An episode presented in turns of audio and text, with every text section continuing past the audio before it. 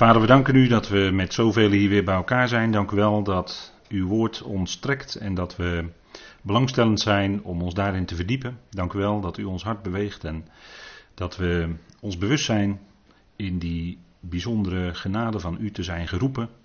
Vader, in tegenstelling tot onze werken, maar dank u wel dat u ons rijkdom schenkt en dat die rijkdom niet alleen voor ons is, maar voor de hele mensheid, voor de hele schepping. We danken u dat uw eigen zoon daarvoor ooit mens is geworden en die diepe weg is gegaan via het kruis. Vader, dank u wel dat we mogen weten dat hij is opgewekt en aan uw rechterhand is. Dank u wel dat we mogen uitzien naar zijn komst als de bazuin klinkt en wij in snelheid hier weggehaald worden. We danken u dat dat moment aanstaande is.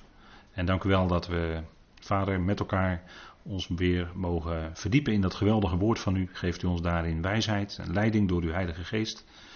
In het verstaan en in het spreken. Vader, we zijn in alles van u afhankelijk.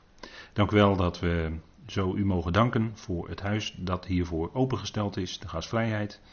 We danken u dat we mogen bidden tegelijk voor uw volk Israël, wat in de druk, onder druk staat, Vader. Maar dank u wel dat u ook met dat volk tot uw doel gaat komen, als uw oogappel. We danken u, Vader, zo voor uw liefde, goedheid en trouw. En ook deze avond in de naam van uw geliefde Zoon, onze Heer Christus Jezus. Amen. Goed, we hebben de vorige keer eh, stilgestaan bij een aantal facetten van Gods plan.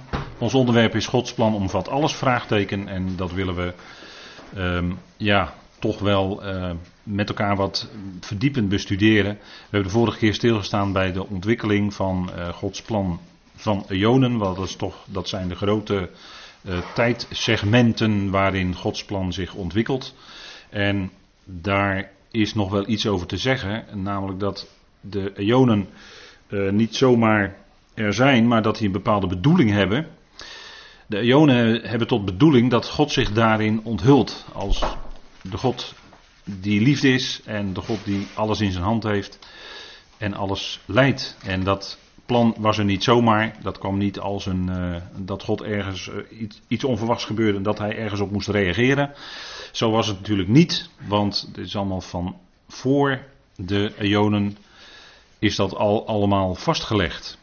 En als we even uh, teruggaan, en ik kan eigenlijk bijna niet meer zeggen teruggaan in de tijd, dan, want we spreken hier dan over gebeurtenissen, om het zo maar te zeggen, van voor de eonen, dan kunnen we vaststellen uit openbaring 3, daarin wordt Christus genoemd, de, het originele schepping van God. En dat is vanuit Romeinen 11, vers 36 gezien, alle dingen zijn uit hem en door hem en tot hem. God, dus alles is uit God. En dat geldt ook voor Christus. Dat wordt ook in de schrift gezegd. Christus is uit God. En God schiep eerst Christus uit zichzelf. En wat had dat als bedoeling? Hij zou dat beeld zijn, hij is dat beeld van de onzichtbare God. Dus hij zou aan die schepping die later kwam, bekend gaan maken, bekend moeten maken wie God is. En dat vinden wij terug in Colossense 1, vers 15. Daar staat dat Christus het beeld is van de onzichtbare God. En in Hebreeën 1, vers 2. Um, laten we eerst even Colossense 1 toch even heel even met elkaar opzoeken. Dan lees ik u dat uit de concordante vertaling. Colossense 1, vers 15. En dan spreken we dus over het begin Want daar wordt dat met een, ander, met een andere vorm van beeldspraak ook van hem gezegd. Colossense 1, vers 15. Daar staat: Hij is het beeld van de onzichtbare God. Dus hij. En hij is de eerstgeborene van heel de schepping. Zie, dus het begon allemaal in hem. Hè? Hij is de eerstgeborene van heel de schepping. Dat is natuurlijk een bepaalde manier van spreken. Maar dat wil zeggen dat hij de eerst voortgebrachte is door God. Dat wil het Griekse woord ook zeggen. Eh, dat hij als tevoren, de eerst of tevoren voortgebracht is door God voor de schepping. En dan staat er, het gevolg is, want in hem, Net zoals, uh, want in hem is het al geschapen wat in de hemelen en wat op de aarde is. Het zichtbare en het onzichtbare. Dat staat allebei in het meervoud. Het zij tronen, het zij heerschappijen, het zij soevereiniteiten, het zij volmachten. Het al is door hem en tot hem geschapen. Dus dat is, uh, alles is in de zoon van zijn liefde, want daar gaat het hier over, geschapen. Zichtbaar, onzichtbaar. Dat wil dus zeggen, hemelingen, hemelse machten en krachten, want die zijn voor ons onzichtbaar. En ook de zichtbare, dus de, wat wij kunnen waarnemen en de hele mensheid. Hè, dus uiteindelijk allemaal in hem geschapen. Zoals uh, een grote boom in een klein zaadje zit in feite, of een graankorrel gezaaid wordt en daar komt een aar uit en die draagt vrucht 30, 60 of 100 fout.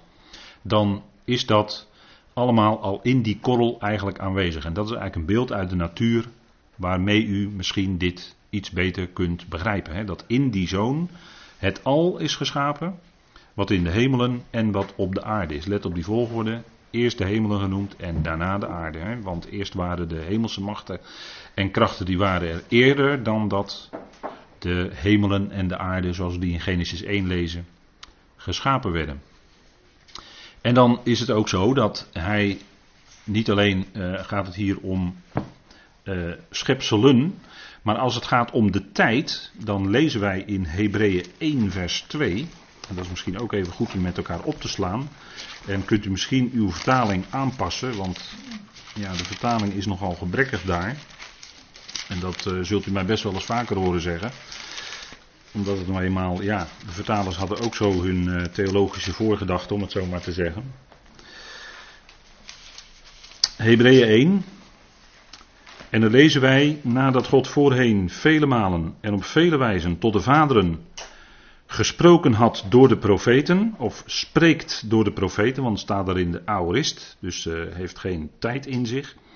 Dus hij spreekt door de profeten, spreekt hij in de laatste dagen tot ons in de zoon. Of in een zoon. Maar dat kan niet missen, dat is natuurlijk de zoon van God, de Heer Jezus. Die hij tot erfgenaam, dat is eigenlijk lotgenieter, gemaakt heeft van het al. Dus de zoon is de lotgenieter van het al. Dus die hele schepping, die is volkomen terecht, is, daarvan is hij de lotgenieter. Dus het al werd zelfs in hem geschapen, dus dat mogen duidelijk zijn. Door wie, en er staat door wie, dus door die zoon, hij ook de eonen maakt. In mijn vertaling staat hier de wereld geschapen of de wereld gemaakt heeft, maar er staat niet enkelvoud wereld, maar er staat meervoud eonen. Dat is nog wel een ernstige misser, vind ik, van de vertalers. Door wie hij de eonen maakt, staat ook in de aorist, hè, tijdloos, het is een feit. Hij maakt de eonen door de zoon. Dus de tijden zijn door de zoon gemaakt, of worden door de zoon gemaakt, hoe moet je het zeggen? Dat is natuurlijk een statement, hè? Dit is weer zo'n uh, vaststelling die de schrift doet. Dus God maakt door de zoon de eonen. Dat is een mededeling. En uh, dan weten we hoe dat zit. En dan kunnen we het mee doen. Dat is, uh, dat is heel fijn om te beseffen dat het allemaal in zijn hand is, hè, dan, dan kun je zeggen, ja, dan ben je op de drempel van het begin. Hè. Door Christus maakt hij de eonen, wordt over de eonen gesproken. En dan hebben we nog zo'n punt van begin, want we kennen natuurlijk Genesis 1, maar Johannes 1, dat is ook zo'n, oeh, dat is zo'n moeilijke theologische, oeh, oeh, oeh. Maar als we goed helder krijgen wat daar nou precies staat, dan ben je gelijk de hele drie-eenheid kwijt. Ja. Want de schrift spreekt daar niet over, hè, dat weet u. Die spreekt niet over de drie-eenheid. dat vind je niet terug in de schrift. Ik kom er niet tegen. je kunt het uh, wel elders tegenkomen, maar niet in de schrift. Uh, er staat in begin, en het woordje het, hè, in het begin staat in mijn vertaling was het woord en het woord was bij God en het woord was God. Dit was in het begin bij God en alle dingen zijn door het woord gemaakt. Woord dan cursief gedrukt. En zonder dit woord cursief is geen ding gemaakt dat gemaakt is. Dat zegt mijn vertaling. Er staat in begin, dus zonder bepalend lidwoord, want het gaat hier om het begin van de openbaring, begin van de onthulling. In begin was het woord. En het woord was bij God, dan staat er eigenlijk naartoe God of naar God toe. er staat niet het lidwoord in het Grieks wat je met bij moet vertalen, want dan zou er iets anders staan. Maar er staat een lidwoord dat duidt een richting aan. Dat is het Griekse voorzetsel pros. En dat duidt aan naartoe. Een beweging naartoe. Dus dat woord dat richtte op God. Dat was gericht naar God toe. En God was het woord. Dus God kwam, zo zou je dat misschien mogen zeggen. God kwam, als je het een beetje wil uitleggen voor jezelf. God kwam in de gestalte van het woord naar de mensen toe. Hij sprak, hij spreekt. En God is een God die per definitie spreekt. En daarom is de afgelopen 2000 jaar eigenlijk bijzonder, omdat daarin het zwijgen van God te horen is, om het zo maar te zeggen. Hij spreekt wel voor de gelovigen door het woord, maar er komt geen nieuwe onthulling bij, dat bedoel ik. Dus God, er zijn na de apostelen, eh, Paulus enzovoort, in die tijd, die apostolische tijd, daarna zijn er geen nieuwe apostelen meer, zijn er geen profeten meer bijgekomen die Gods woord spreken. Nee, Paulus completeerde dat woord van God, hè, Colossense 1. Paulus completeerde dat woord van God en daarna zijn er, komen er geen nieuwe onthullingen meer bij. Toen was Gods woord compleet. En dat hebben wij. En God spreekt wel degelijk tot ons, alleen daar komen geen nieuwe openbaringen bij. Dus dat God zwijgt in de afgelopen 2000 jaar, dat is eigenlijk wel bijzonder, want God is per definitie een God die spreekt. Die spreekt tot de mensen, die spreekt tot ons, spreekt tot ons hart. En dat woord, dat doet heel veel, hè? want dat werkt iets uit. Een woord dat God spreekt, werkt altijd iets uit. Het zal nooit leeg tot hem terugkeren, zegt de schrift ook. Een dabar, dat is ook niet alleen een woord, maar dat is tegelijkertijd ook een daad. of wordt, je zou het ook met een zaak kunnen vertalen. maar als hij een woord spreekt, dan komt er iets tot stand. kan een hele tijd duren. Zoals de belofte aan Abraham gedaan dat hij zal wonen in het land vanaf de Uifraat tot aan de Nijl. Genesis 15, hè, een van de laatste versen. Dat is een belofte die God gegeven heeft. En tot nu toe is dat nog niet in vervulling gegaan, maar dat zal gaan gebeuren. Dat zal een keer tastbaar werkelijkheid zijn. In de komende duizend jaar, dan zal de mensen dat allemaal gaan zien. Wat God toen aan Abraham beloofd heeft, dat zal die ook waarmaken en dat zal dan ook zo zijn. Kijk, voor ons als gelovigen is het niet zo moeilijk. Wij geloven Gods woord op voorhand. En als God dat zegt, dan zeggen we ja, oké, dat is dus zo. Dat is een mededeling. En dat is alleen een kwestie van tijd voordat het ook werkelijkheid wordt. Ja, dat, zo is dat. Uh, maar in de afgelopen. Heel veel mensen die hebben daar mee geworsteld. Een filosoof als Nietzsche die zei ook: God is dood. Maar dat kwam omdat hij eh, ja, misschien moeite had met het lijden. Ik heb me niet zo erg verdiept in zijn eh, leven hoor. Maar die uitspraak van hem die is vrij bekend. Of hij had, uh, hij had moeite met uh, andere dingen misschien. Of hij uh, ervoer niks van God. Ik weet het niet wat het bij hem geweest is. Maar die riep in ieder geval heel hard: God is dood. Ja, dat was natuurlijk helemaal niet waar. Maar zo ervaren mensen dat dan. En ja, God is de levende God. En wij ervaren dat wel. Aan den lijve hebben we dat in ons leven ondervonden. En nog steeds.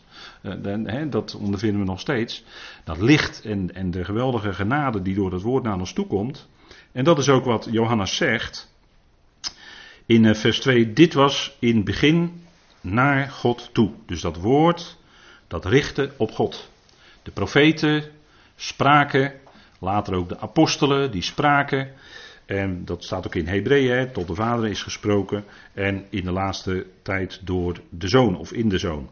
En dan staat er ook, alle dingen zijn door het, en dat wijst terug op dat woord, gemaakt. En zonder dit is geen ding gemaakt dat gemaakt is. Dus alles wat geschapen is, is daar gekomen door het woord. Doordat God sprak. In het begin zien we dat ook in Genesis. God zei: Het wordt licht en het werd licht. Weg duisternis. Want duisternis is het terughouden van het licht eigenlijk, hè, vanuit het Hebreeuws. Duisternis betekent, Goshek is dat, dat betekent eigenlijk terughouden. Dus daar waar het licht wordt terughouden is duisternis. En daar waar het licht aangaat is duisternis weg. Die kunnen niet tegelijkertijd aanwezig zijn, licht en duisternis. Dat gaat niet. Het is of licht of duisternis. Dat is heel makkelijk.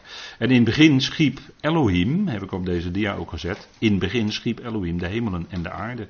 En ergens daarvoor is dat begin van de eonen, van Gods plan van eonen geweest. En in die eerste eon hebben we met elkaar uh, besproken dat daar iets is gebeurd waardoor het chaos en duisternis en leegte werd. er staat in vers 2 een woord in het Hebreeuws, hayeta, en dat is een causatieve vorm, dus dat kun je het beste vertalen met werd. Dus dat de aarde nu, er staat letterlijk en de aarde werd woestheid en ledigheid en duisternis. En dan gaat God, en die zaak is zo gekomen, tohu vabohu, is gekomen als gevolg van een gericht van God. En dat was weer het gevolg van het scheppen van de tegenstander, die zijn werk ging doen, tegenstand bieden dus, en rebelleren. En daardoor moest er een gericht komen en vandaar de nederwerping van de wereld ergens tussen Genesis 1 vers 1 en 1 vers 2. Voor de eonen, daar zegt Paulus iets over. Daar wil ik toch nog even op inzoomen. Van voor de eonen, daar spreekt hij over in 1 Corinthië 2 vers 7, was er de wijsheid van God. En die wijsheid, die door Paulus onthuld werd, die was verborgen gehouden tijdens de eonen. En dan zegt Paulus van, tot onze heerlijkheid. Onze is dus de gemeente, het lichaam van Christus. En dat die wijsheid van God van voor de eonen zelfs verborgen gehouden is, ja, dat had te maken met de bijzondere plaats van de gemeente in Gods plan. Dat is een hele bijzondere plaats. En als je in 1 Corinthië 2 kijkt, dan zie je ook dat daar gesproken wordt over het kruis. In de context, 1 Corinthië 2 vers 7, gaat het over het kruis. En dan wil ik even met u dat kleine stukje lezen in 1 Corinthië 2, waarin Paulus toch veel tegen die Corinthiërs moest zeggen.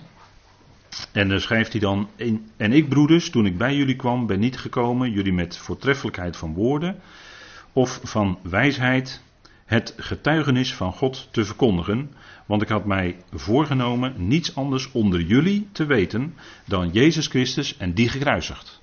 Dat was de boodschap die hij aan de Corinthiërs bracht. En dat was vanwege hun situatie. Hè? Er was nogal wat aan de hand in die gemeente. En ik was bij jullie in zwakheid met veel vrees en beven. En mijn spreken en mijn prediking bestonden niet in overtuigende woorden van menselijke wijsheid, maar in het betoon van geest en kracht opdat jullie geloof niet zou bestaan in wijsheid van mensen, maar in de kracht van God.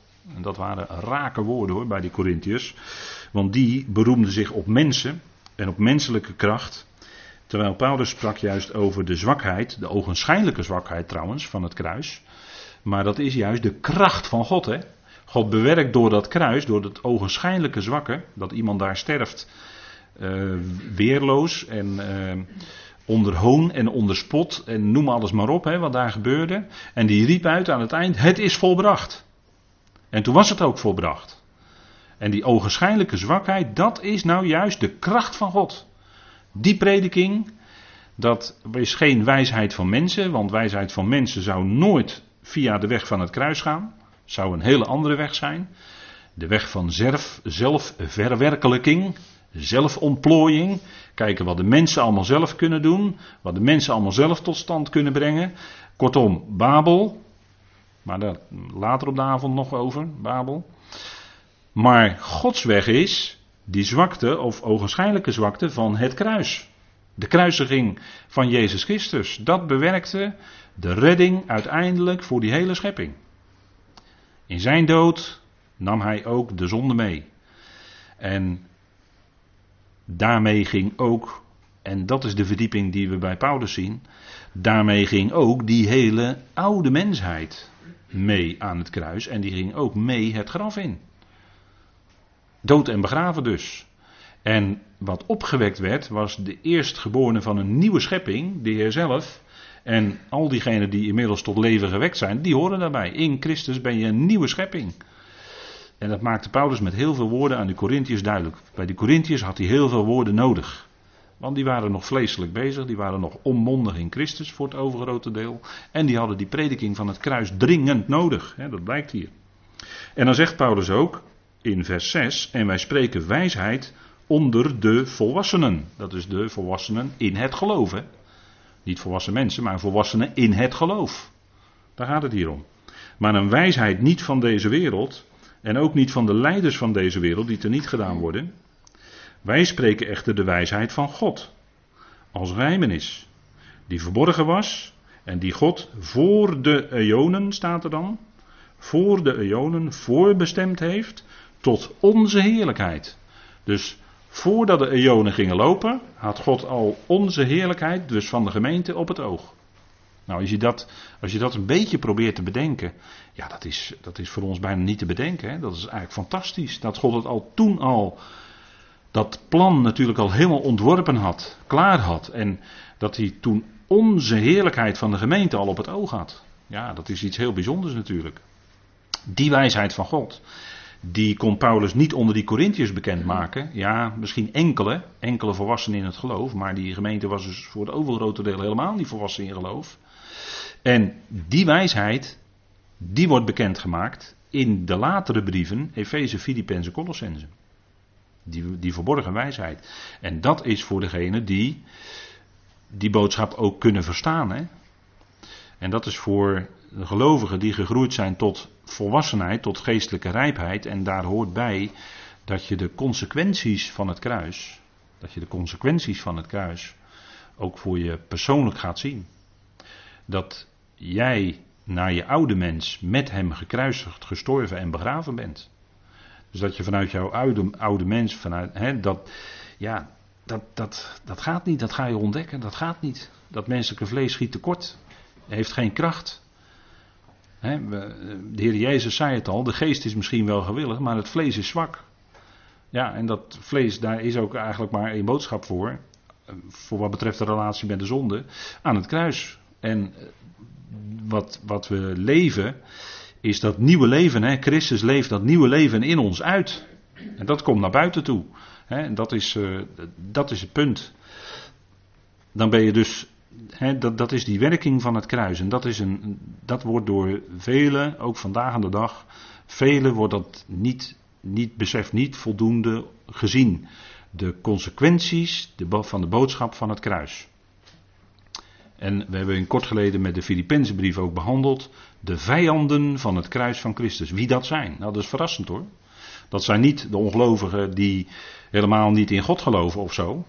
Of helemaal niet in Jezus willen geloven, of wat dan ook. Nee, dat zijn gelovige mensen. Dat zijn. Uh, de christenheid, dat betreft heel, heel wat mensen. Maar heel wat mensen binnen die christenheid. die blijken te zijn in de praktijk van het leven. vijanden van het kruis van Christus. En dat is, dat is een, ja, die vertrouwen nog op eigen vlees. Die willen graag hun, hun eigen, uh, alles doen in eigen voordeel enzovoort. Hè? En terwijl Paulus bezig was als, als iemand die Christus diende, uh, zonder daar zelf belang bij te hebben, of zonder daar zelf beter van te worden, of zonder zichzelf daarmee te willen uh, presenteren of te, te, laten zien hoe goed hij wel niet is en wat hij dan allemaal niet tot stand heeft kunnen brengen enzovoort. Zo was Paulus totaal niet bezig, integendeel zelfs. Hij zei, ik, niet ik, maar de genade van God die met mij is. Daar verwees hij naar. Dus dat, en dat is, als je dat beseft, dat het echt niet van jou afhangt en dat jij dat, dat al, in alles die werking en de kracht van de geest van God nodig hebt, voordat je dat echt helemaal vol beseft, ja, dat is de, dat is de boodschap van het kruis. Die dat, die dat uitwerkt, dan ga je dat langzaam maar zeker zien. Dat, dat zie je niet in één week als gelovige, maar er gaan jaren overheen. Dat je dat gaat beseffen, dat je door de diepte heen gaat en gaat beseffen, ja, nee, ik, echt, ik kan het echt zelf niet, maar de Heer, die doet het in mijn leven. Nou, dat staat ook centraal in Gods plan van Ionen. In die derde Aion. Daar middenin centraal, daar is, heeft plaatsgevonden de kruisiging van de Heer Jezus Christus. Hè. Daar draaide het om. Nou, dat heeft te maken met die verborgen wijsheid van God. Maar die was er dus al voor de Ionen. Hè. Voor de Ionen. En begrip Aion in de Bijbel, dat weet u. Aion Olam is altijd een tijdperk. Het is nooit eindeloze eeuwigheid. Nooit. Het is altijd een tijdperk. En het blijkt ook dat hier staat over voor de eonen. We lezen dat ook in 2 Timotheus 1, vers 9. Dat ons genade is gegeven in Christus Jezus voor eonische tijden. dus eonen hebben te maken met tijd, dat blijkt hier. Voor eonische tijden. Dus het begrip eon in de Bijbel heeft een tijdsaspect. En de eonen buiten de Bijbel, daar wordt wel eens iets anders aan opgehangen. Maar binnen Gods woord, binnen de schrift, heeft het begrip eon een tijdaspect in zich. En dat geldt natuurlijk ook voor Olam, hè? dat is het, hetzelfde. In Christus Jezus, 2 Timotheus 1, vers 9, er wordt ook gesproken dus over voor-eonische tijden.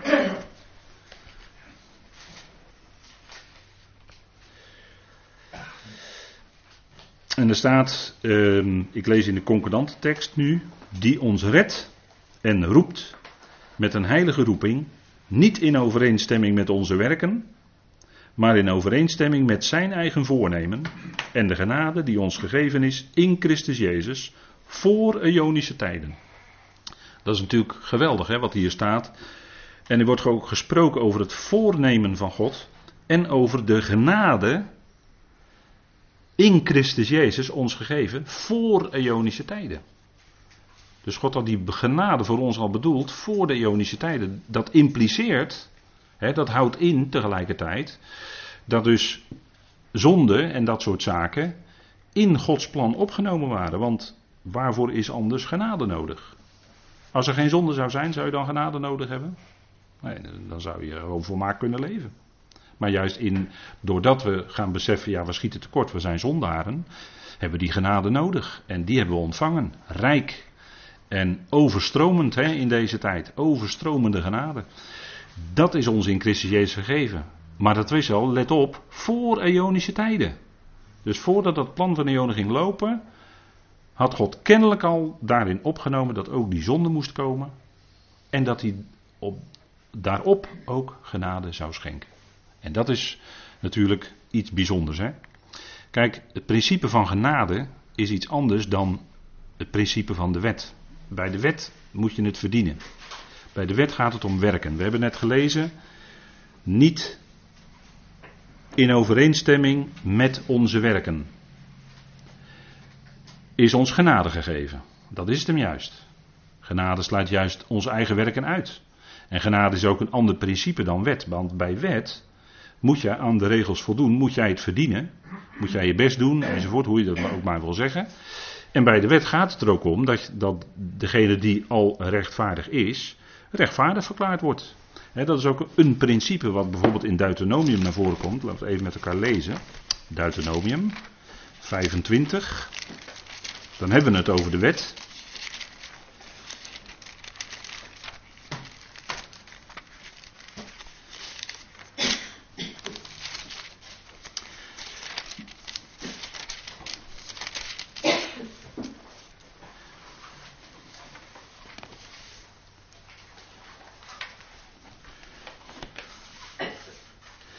Deuteronomie 25 vanaf vers 1. En er staat, wanneer er tussen mannen, er staat uh, Enos, Enos, stervelingen in meervoud. Wanneer er tussen mannen oneenigheid is en zij voor een gerecht komen en men over hen recht spreekt, dan moet men de rechtvaardige rechtvaardig verklaren en de schuldige schuldig verklaren. En als de schuldige of slechte een tot stokslagen is veroordeeld, moet het zo zijn dat de rechter hem op de grond laat leggen of doet neerleggen en hem voor zijn ogen of voor zijn aangezicht de slagen geven die een aantal overeenkomen met zijn onrechtvaardige daad. Veertig slagen mag hij hem geven. Hij mag er niets aan toevoegen, omdat dat uw broeder, anders als hij hem boven deze nog meer slagen zou laten geven, hij voor uw ogen verachtelijk of uh, onteerd zou worden. En u weet dat Paulus een aantal keren de 40 min 1 slagen heeft gehad. Hè? Dat heeft dus hiermee te maken. Maar hier staat dus, je zult de rechtvaardige rechtvaardig verklaren. Dus degene die rechtvaardig is, die niet schuldig is, die verklaar je rechtvaardig. Maar in het evangelie is het zo dat degene die onrechtvaardig is, gerechtvaardigd wordt. Oftewel, de rechtvaardiging van de goddeloze. Degene die niet werkt, maar gelooft in hem die de goddeloze rechtvaardigt, wordt zijn geloof zonder werken dus, gerekend tot rechtvaardigheid. Dus de goddeloze wordt gerechtvaardigd in het evangelie. Dat is een ander principe dan de wet. Hè? De wet zei, doe dat en je zult leven. Leviticus, hè? De genade zegt, je hebt leven ontvangen van Christus, hè, het leven in Christus Jezus. Je leeft in Hem en Hij leeft in jou. En vervolgens heb je kracht om dingen te doen. Maar niet als een verplichting, maar als een genade. En dat is, dat is nou juist het andere principe. Hè? En je hoeft jezelf nooit te bewijzen voor God. Nooit. Je hoeft geen goede dingen te doen, ook al ben je gelovige en je weet je gered in genade. Daarna, ook als je gelovige bent, hoef je jezelf niet te bewijzen voor God. God heeft je lief, punt. God schenkt je genade, dag aan dag, punt. En het is niet dat je dan uit dankbaarheid iets terug moet doen, helemaal niet. Nee, maar Christus werkt zijn leven in jou uit. En dat gaat zich uitwerken. Dan heb je kracht en dan ga je anders tegen de dingen aankijken en dan ga je anders willen. En dan is Hij het die, God is het, hebben we ook met Filippenzen uitgebreid met elkaar besproken. God is het die zowel het willen als het werken in jullie bewerkt. En dat betekent echt niet dat je de rest van je leven stil zit op een stoel en helemaal niks meer doet. Kijk maar naar het leven van Paulus. Die was actief tot en met. Maar wat zei hij erbij? Niet ik, maar de genade van God die met mij is. Die kracht, die opstandingskracht die hij ontving. Om dingen te kunnen doen. Ja, was helemaal van God. Dus hij had niets van zichzelf, alles was van God. En zo is het ook voor ons ook. En dat is genade, dan heb je helemaal geen verdiensten meer. En dan ben je helemaal vrij. Vrij om hem te dienen. Ja, dat deed Paulus ook als voorbeeld. Titus 1 zegt ook nog iets over, want we moeten verder, in de verwachting van het eonische leven dat God die niet liegen kan, voor eonische tijden beloofde. Ik heb het hier uitgeschreven op deze dia. Dus hier wordt ook weer iets gezegd over voor eonische tijden. En dat is het eonische leven is beloofd eigenlijk aan ons al voor eonische tijden. Dus ook daarin zien we weer, Ionisch leven, dat impliceert ook iets anders. Hè? Dat er ook iets anders kan zijn. Namelijk dat mensen die dat Ionische leven niet hebben en dus tijdelijk, tijdelijk geen deel hebben aan dat leven. U en ik, wij, zoals we hier zitten, hebben wel dat Ionische leven ontvangen in Christus. Dat is een genadegeschenk. En wij hebben dat leven in de komende eonen. Maar vele anderen hebben dat niet. Die zijn niet geroepen bij de gemeente. Die zijn niet geroepen bij de gelovigen van Israël. Die hebben geen eonisch leven. Maar ons is dat wel beloofd. Voor de eonen al. Hè? Voor eonische tijden. Dus ook daarin zien we dat God dat plan met zonde en genade al bedacht had, om het zo maar te zeggen, voordat die eonen gingen lopen.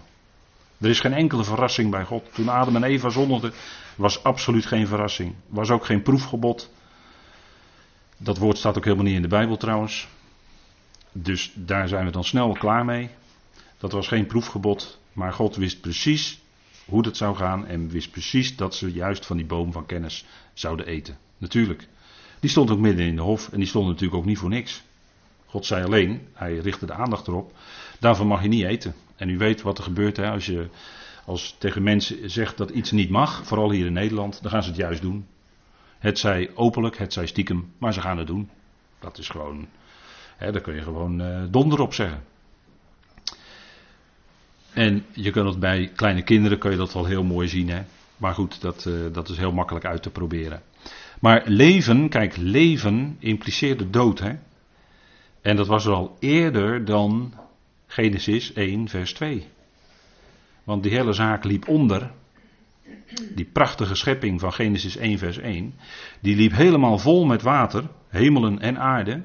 Helemaal vol. Dat betekent dat al dat plantenleven en dierenleven wat er was, dat ging dood. Door al dat water werd allemaal verzwolgen in dat water.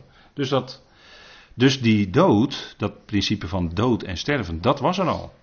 Alleen later kwam, dat, kwam die dood ook in de mens en ging dat ook in de mens werken.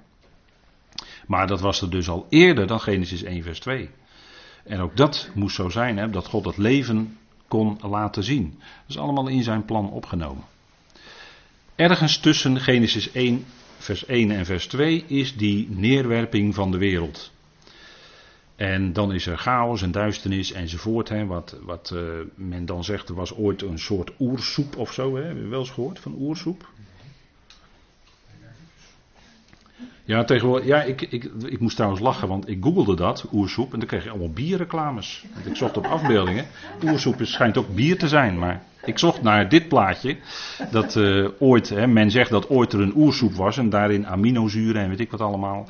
En daar is uiteindelijk dan ineens eh, zomaar leven ontstaan. Hè. Dat is dan de, de evolutionaire uh, hypothese, laat ik dat woord maar gebruiken. Maar dat was natuurlijk Genesis 1 vers 2. Alles was geworden tot chaos en duisternis en God ging daarin herstellen. Maar die oorspronkelijke, schitterende eerste schepping, die was verloren gegaan.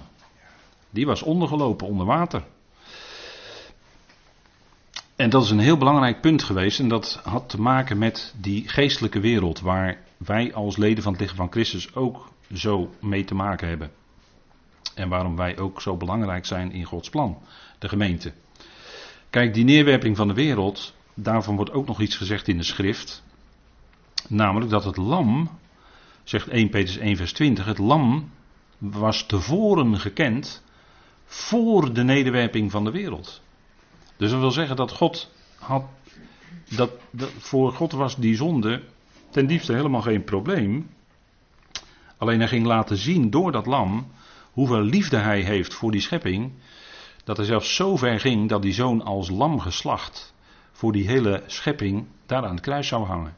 Maar het was al tevoren gekend voor de nederwerping van de wereld. Dus voordat de zonde zijn intrede deed in de schepping. Was dat plan al klaar. Hè? En dat plaatje wat u erbij ziet, dat zijn vijf kruisen. Hè? Die kunt u op verschillende plaatsen in Frank Frankrijk kunt u dit uh, terugvinden. Dus als u uh, francofiel bent en u gaat vaak in Frankrijk op vakantie, dan uh, moet u maar eens opzoeken. Plouzéberg onder andere. Als ik het goed uitspreek. Daar kun je dit zoiets als dit zien. Dit niet. Ploezeberg ziet er iets anders uit. Maar dit is op meerdere plaatsen en schijnt ook wel in Engeland voor te komen. Maar vijf kruisen op Golgotha. Die vier, dat is een getal van de wereld. Die vier met die ene. De rovers en de misdadigers, dat zijn u en ik. Dat zijn u en ik eigenlijk, naar ons vlees. Hè. We zijn rovers en misdadigers. Zijn met hem gekruisigd. aan het kruis werden er twee rovers en twee misdadigers met hem gekruisigd. En dat was eigenlijk de kruisiging van de wereld met hem. Met die ene. met die vijfde. Dat is eigenlijk wel heel mooi. Als je de getallensymboliek een beetje kent. Maar vier is, is, heeft altijd te maken met het zichtbare. De zichtbare dingen, deze wereld. Deze, het vergankelijke ook. En vijf heeft te maken onder andere met de genade. Vijf is het getal van de genade. En dat zie je ook rondom het kruis. Hè daar, daar, die symboliek van vier en één, die komt daar vaker voor. Als je de geschiedenissen rondom het kruis, die door de evangelisten beschreven zijn, bestudeert. Dan kom je dat, als je, daar opmerkt, als je dat opmerkt, dan ga je dat ook wel wat meer van zien. Dat is een principe wat in het begin van de schepping ook al aanwezig is. En dan komt er uit die ene stroom komen er vier hè, in de hof Mesopotamië. De Hidekel en de Uifraat en, de, en nog twee. Maar die, een, die vier stromen die komen uit die ene. Dus heb je weer het principe van die vier en die één. Dat vind je steeds terug. En zo ook op Golgotha, hè? de vier met die ene. En door die ene wordt alles anders. Want door die ene wordt het vijf en dan wordt het genade. Dat, dat zit echt in die getallensymboliek ook hoor. En dat is natuurlijk wat Abraham en Sarah, dat hebben we laatst ook gehoord in, in, uh, in een spreekbeurt kwam die letter He in de naam. Hè? Abraham werd Abraham. Dus er kwam die letter He, die, een venster is dat. Hè? Maar dat is ook de vijf. En vanaf dat moment zei God ook tegen Abraham: Wandel voor mijn aangezicht. Want ik geef jou de kracht, zei hij eigenlijk daarmee. Sarai werd, dus die jot aan het eind, werd Sarah. Dat werd een he, werd ook een vijf. En daarmee waarin ook eigenlijk gesymboliseerd werd, die genade van God. Hè? Die God die werkt vanuit het verborgene, maar wel met een uitwerking in het zichtbare. En Petrus die zegt ook later in Handelingen dat in een toespraak dat hij gekruisigd werd naar de bepaalde raad en voorkennis van God. dus duidelijk statement dat er van tevoren een raadsbesluit bij God was en een voorkennis, maar niet alleen voorkennis, maar een bepaalde raad. Dus daadwerkelijk dat God ook dat veroorzaakte dat het zo ging, dat het zo zou gaan. Judas bijvoorbeeld, die de Heer overleefde, dat woord verraden staat er eigenlijk niet echt, er staat steeds overgeven in het Grieks. Maar Judas die gaf de Heer over, zodat hij gekruisigd zou worden, maar Judas die werd beschreven in de psalmen. Een ander nemen zijn ambt, hè. Dat, dat, is, dat is allemaal in de psalmen voorzegd. En de Heer wist dat. De Heer wist dat. De Heer wist van meet af aan toen hij Judas ook riep wie, dat hij hem zou verraden. Dat wist hij. En toch liet hij Judas toch met zich mee lopen en werd beheerder van de kas enzovoort, u weet het wel. En Judas zou hem uiteindelijk verraden. Maar in Judas werd ook zichtbaar dat niet alleen hij, maar daarin eigenlijk de, laat ik maar zeggen, ook de leiders van het volk en daarin toch een behoorlijk deel van het volk hem overleefden om gedood te worden. Judas en Juda, dat scheelt maar één letter. En dat is dus eigenlijk hetzelfde. maar daarin werd zichtbaar dat het volk hem overleefde. Zij wilden hem niet. Hij moest gekruisigd worden, riepen ze. En Barabbas werd vrijgelaten. Nou, dat is natuurlijk een punt, hè. Maar goed, er zou wel meer over te zeggen zijn. Maar in ieder geval, het was naar de bepaalde raad en voorkennis van God. Dus van tevoren was het door God al vastgelegd. In zijn plan. En dat wilde ik toch, die punten van wat voor de Ionen en voor de nederwerping al bekend was. Dat het dus Gods plan zich ontwikkelde langs de lijnen die God wilde, die God bedoelde. En daarom kon het ook niet anders gaan dan dat het gegaan is.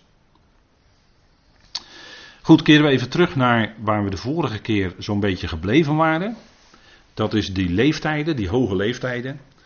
Adam werd 930 jaar en dan ziet u een heel rijtje. En ik heb de vorige keer ook gewezen op het feit dat ik hierin de concordante tekst volg. Dus ik volg de Concordant Version of the Old Testament. Dat kunt u vinden op de website onder andere van concordant.org. Uh, onder meer kunt u hem vinden. En in papieren vorm is het wel een lijvig uh, boekwerk. Maar ik heb het en vind het uh, heel fijn om erbij te hebben. Omdat hij vertaald is volgens de concordante methode. En men houdt daarin rekening met de Griekse vertaling van Tanach. Dat is de Septuagint.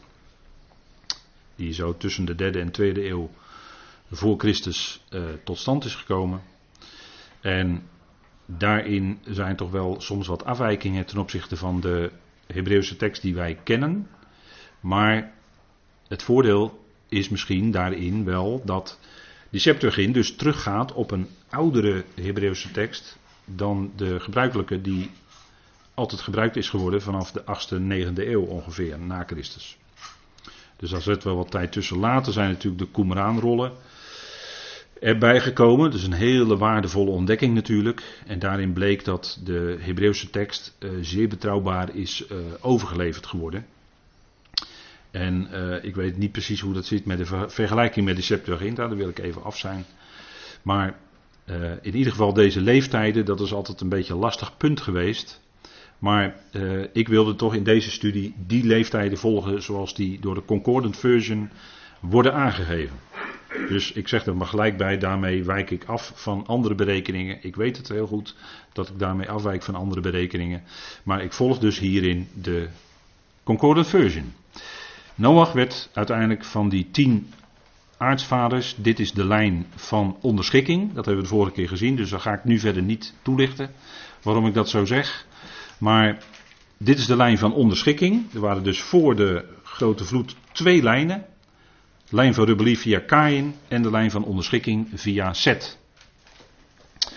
En als we kijken en we tellen die jaren bij elkaar op, dat is niet zo moeilijk om te doen als je steeds kijkt, want er staat heel nauwkeurig, Adam was zo oud toen hij Set verwekte, Set was zo oud toen hij Enos verwekte, enzovoort. En dan kom je in het jaar 1662, eh, vanaf Adam dus. 1662, en dan um, wordt Noach uh, geboren. Lamech verwekte Noach. En dat was in het jaar 1662. En daardoor weten we ook wanneer de grote vloed kwam, volgens deze telling. Noach, die was 502 toen hij Sem verwekte. Ja, wat een leeftijden, hè? Maar dat, dat na de grote vloed is dat drastisch veranderd, hè? Na de grote vloed bij Noach is dat enorm teruggelopen, die leeftijden. Maar in ieder geval, als ene laatste van die lijn van onderschikking werd Lamech geboren. En hij werd 753 jaar. Hij werd geboren in 1474.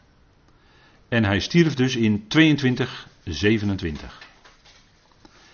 En Lamech was de laatste, of bijna de laatste van de lijn van onderschikking die stierf. Maar die stierf dus voor de grote vloed, want de grote vloed kwam in 2256. Methuselem werd 969 jaar, en dat is zowel vanuit het Hebreeuws als vanuit de Septuaginta zeg maar hetzelfde.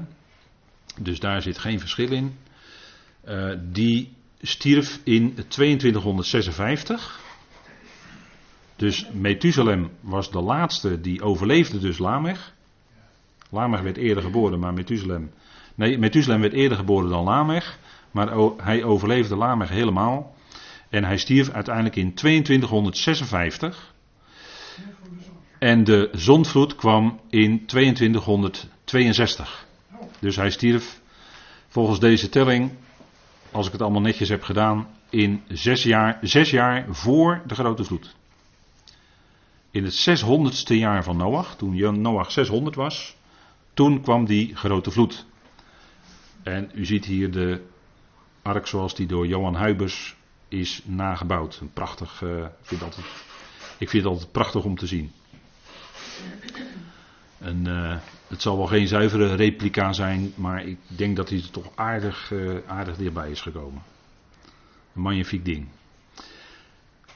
En dan ziet u hier op deze dia een aantal sterfjaren. Dus Lamech die sterft in 2227. Methuselem sterft in 2256. En daarmee sterft dus de ene laatste van de lijn van onderschikking van voor de grote vloed. Die stierf dus voor die dagen van Noach. Dat Noach de ark inging, dat Noach 600 werd. En Noach sterft dan natuurlijk na de grote vloed in 2612. En om even aan te geven, dan wordt bijvoorbeeld Abraham geboren in 3394. En Isaac dus in 3494, want die werd Geboren toen Abraham 100 jaar oud was. Dus die werd geboren in 34, 94. Maar in ieder geval, Noach is dus de enige van die lijn van onderschikking die de grote vloed heeft overleefd. Dat is duidelijk hè, met zijn gezin. En Methuselem was dan de laatste van die lijn, behalve Noach dan, die stierf. Maar die stierven verder dus allemaal voor de grote vloed. Dat is duidelijk. En Jacob bijvoorbeeld, die sterft dan in Egypte in 3701. Nou, die ark, dat is wel een, eh, een, een enorm bouwwerk geweest natuurlijk. En het woord voor ark is in het Hebreeuws het woord teva. En als, de, als een L, als je die, ja, daar zijn natuurlijk ook, daar lopen de meningen ook over het een, maar dan zou die geweest kunnen zijn 137 meter lang, 23 meter breed en 14 meter hoog.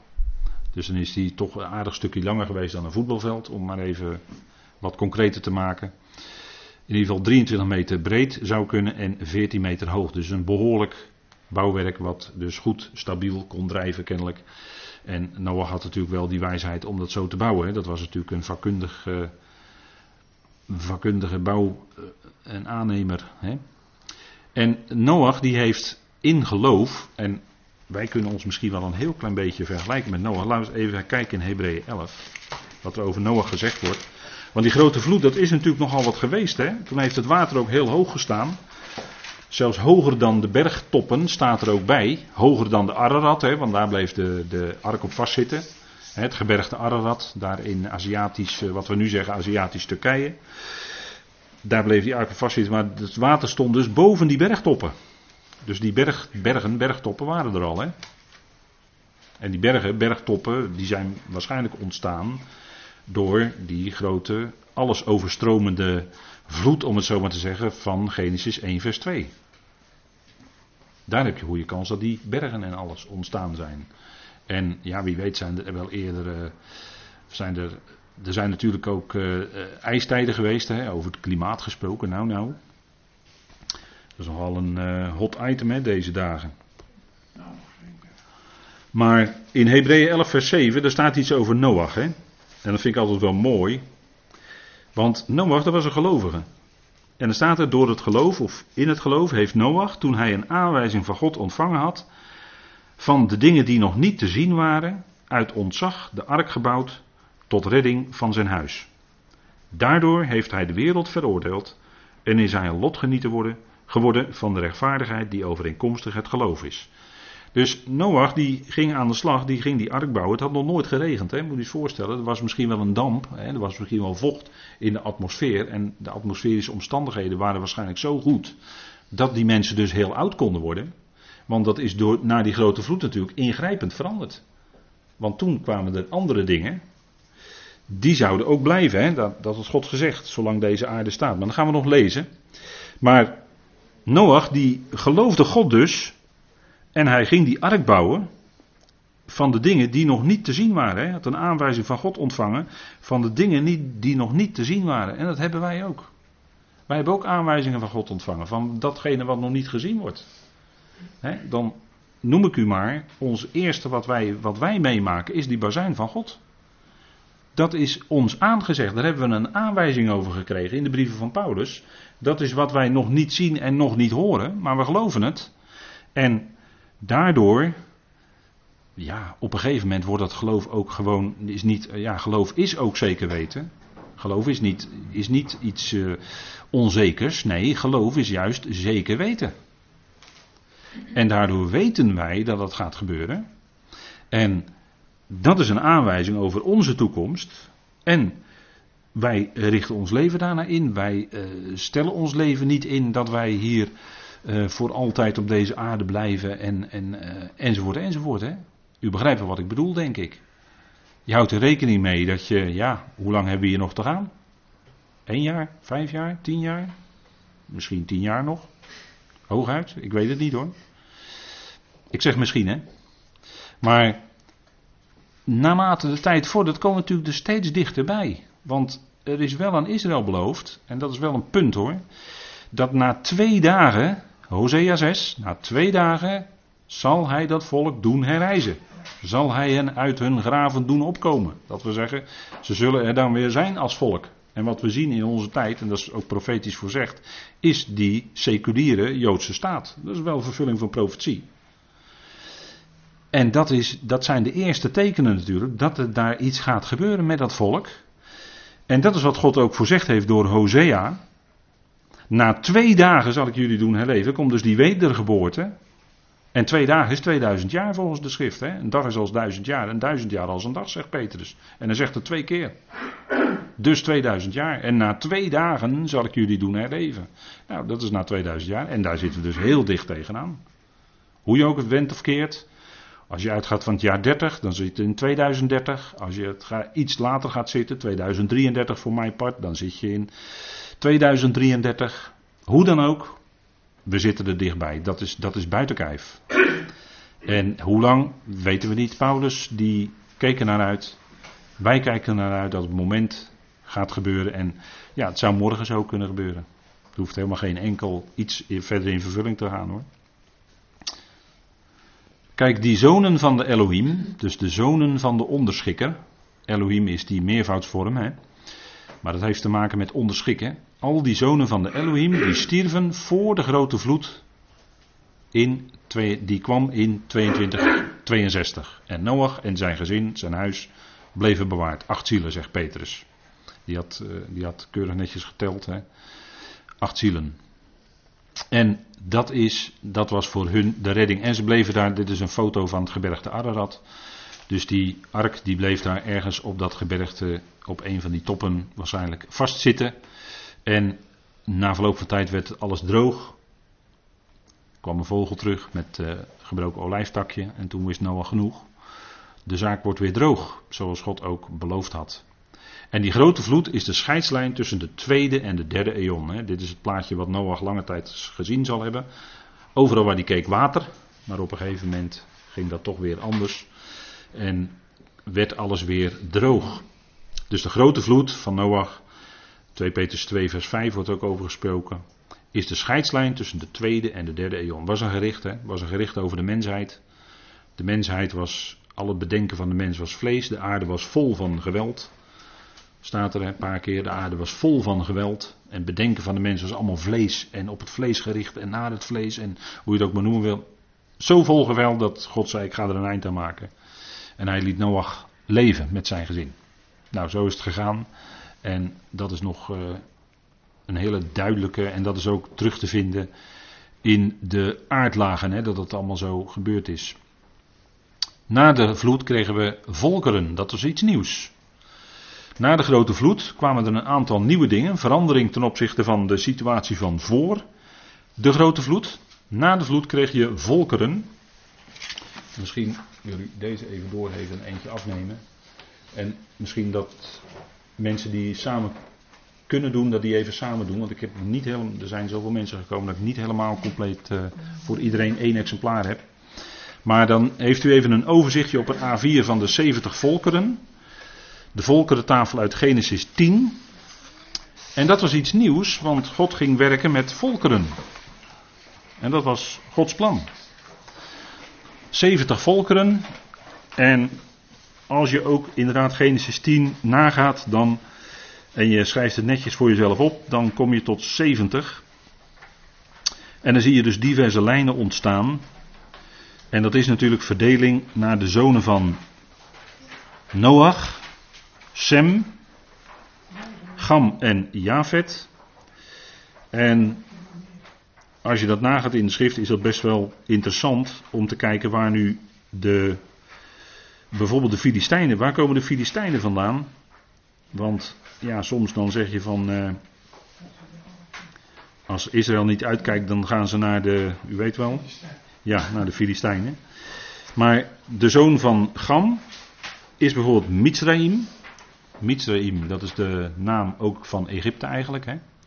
Mitzraim. En dan zie je de Kaslugieten en dan staat erbij in Genesis 10 waaruit ook later de Filistijnen zijn voortgekomen. Dus die komen uiteindelijk via Gam, Mitzraim. Maar de huidige Filistijnen die of Palestijnen die er nu zijn, dat wil niet zeggen dat die daarvan afstammen. Dat is wel weer even, want dat is een, een um, mengeling van een aantal. Van, ja, hoe moet ik dat nou zeggen? Een mengeling. Een, een mix van een heel aantal mensen, zeg maar. En dat, dat zijn nu de Palestijnen. En dat was natuurlijk allemaal politiek, eh, politiek allemaal wel verklaarbaar waarom die daar nu zitten. Maar goed, in ieder geval de Filistijnen waar Israël in de loop van de tijd veel last van heeft gehad. Simson, hè, die uh, stond zijn mannetje wel, die versloeg er wel een heel aantal. Maar dat bleek dus steeds weer terug te komen. En de zonen van Sem, en dat is natuurlijk ook boeiend denk ik voor ons, want via Sem loopt natuurlijk de lijn naar Israël. Want God ging werken met volkeren. En dat hield ook in dat hij zou gaan werken met zijn volk Israël. En dat loopt via Sem. En dan ziet u daar dik gedrukt nummer 3 Arpachsat. Selach en Heber. Heber, de Hebreeën. Daar komt het woord Hebreeën. Heber. Uh, dat is die van de overkant zijn, degene die voorbij trekken. Abraham was een Hebreeër, zo wordt hij genoemd. Degene die voorbij trok, Iemand die voortdurend onderweg was.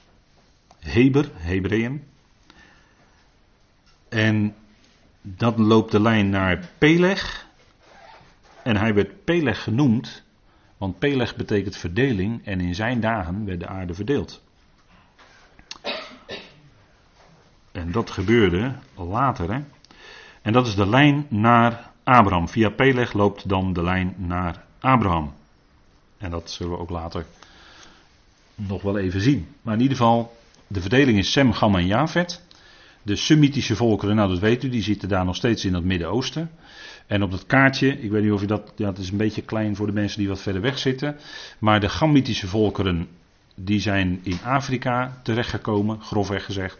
En de Javet volkeren, die zijn noordelijker, dus eh, ja, delen van Rusland, Europa enzovoort verder. Hè? En vanuit Europa natuurlijk ook naar Amerika. Maar dat neem ik aan dat het voor u bekend is. Dus dat is de indeling grofweg naar die drie zonen van Noach. Zo is het in de volkeren tot stand gekomen. Dan de lijn naar de Messias. Dus dat is ook de lijn naar Israël natuurlijk. Want in Genesis 3 was natuurlijk al beloofd dat er eentje zou komen. Die van de slang de, de kop zou indrukken. En waarvan de hiel vermorzeld eh, of uh, zwaar verwond zou worden. dat er eentje zou komen, het beloofde zaad, het beloofde nageslacht. En die lijn van de Messias die ging door natuurlijk via Noach en dan via Sem, Arfaxad, Sela, Heber, Peleg. In zijn dagen werd de aarde dus verdeeld. Rehuserig, Nahor, Terach. En dan krijgen we Abraham. En dan Yitzchak en Jacob.